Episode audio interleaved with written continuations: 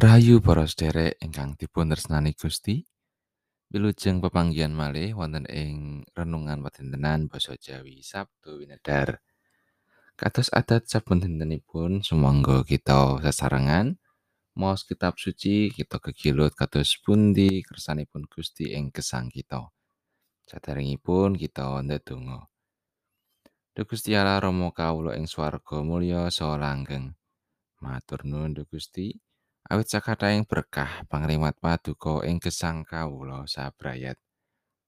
Ing dinten menika Duh Gusti, mirungan ing wekdal menika kawula nyawisaken manah kawula saperlu badhe nampi sabda paduka.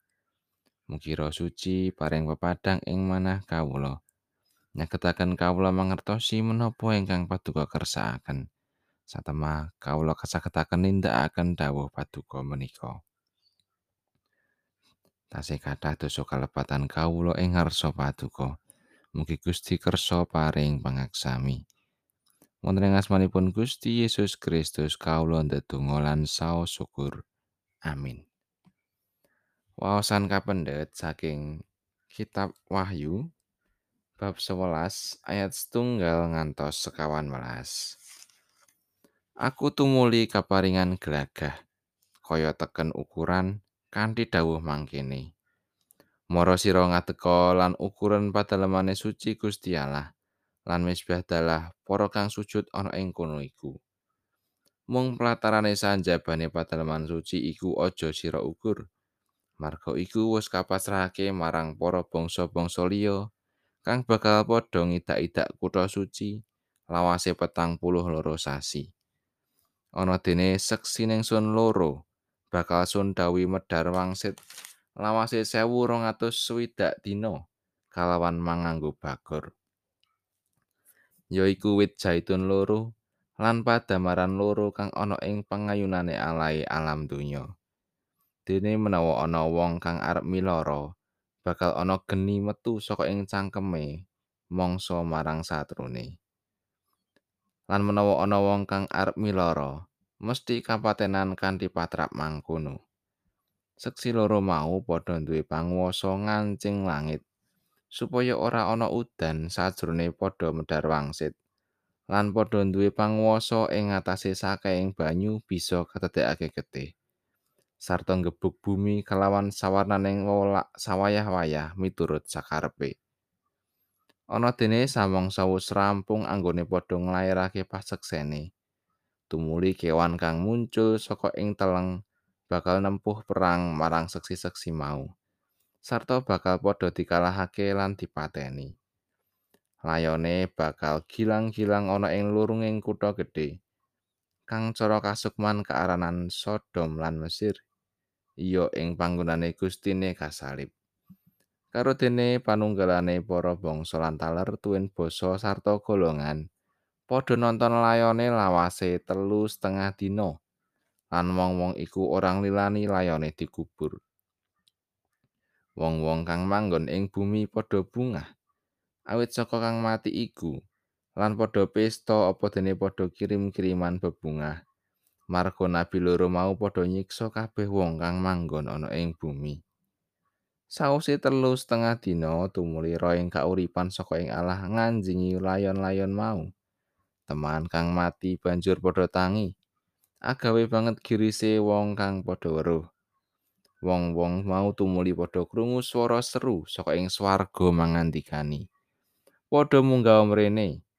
Banjur padha munggah menyang ing langit.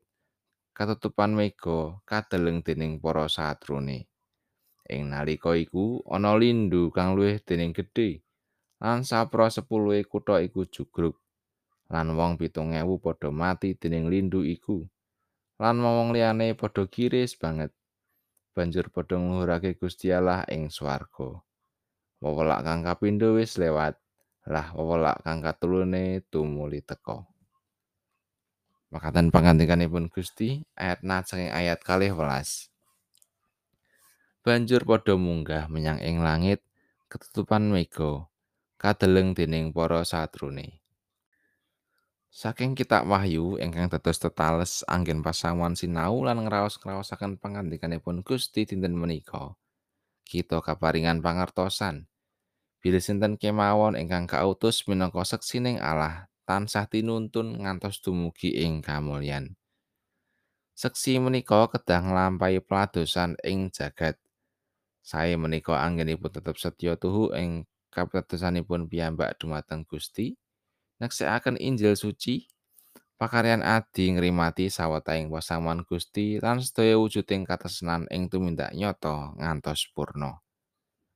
Sekedhik kemawon boten dipun keparengaken lirwa saking olah peladosan. Awit wewengan dalah wekdal menika kedah tansah cinawisaken tanpa semaya.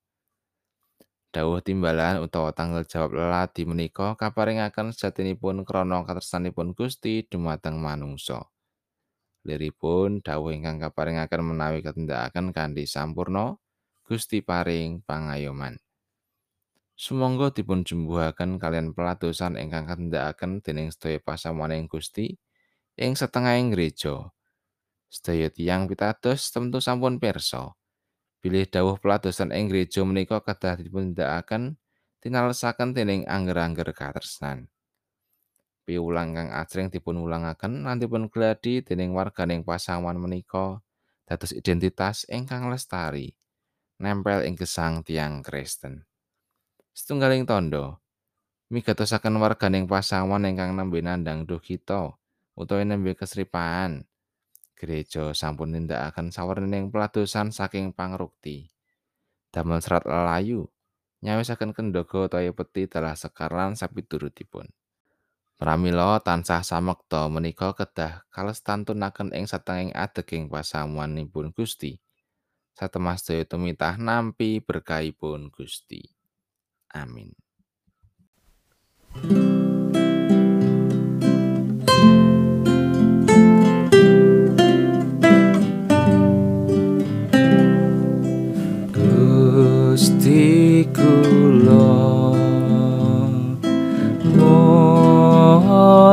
Tresno juru pangen utami kanthi setya pangreksanyo mriki sang kula suci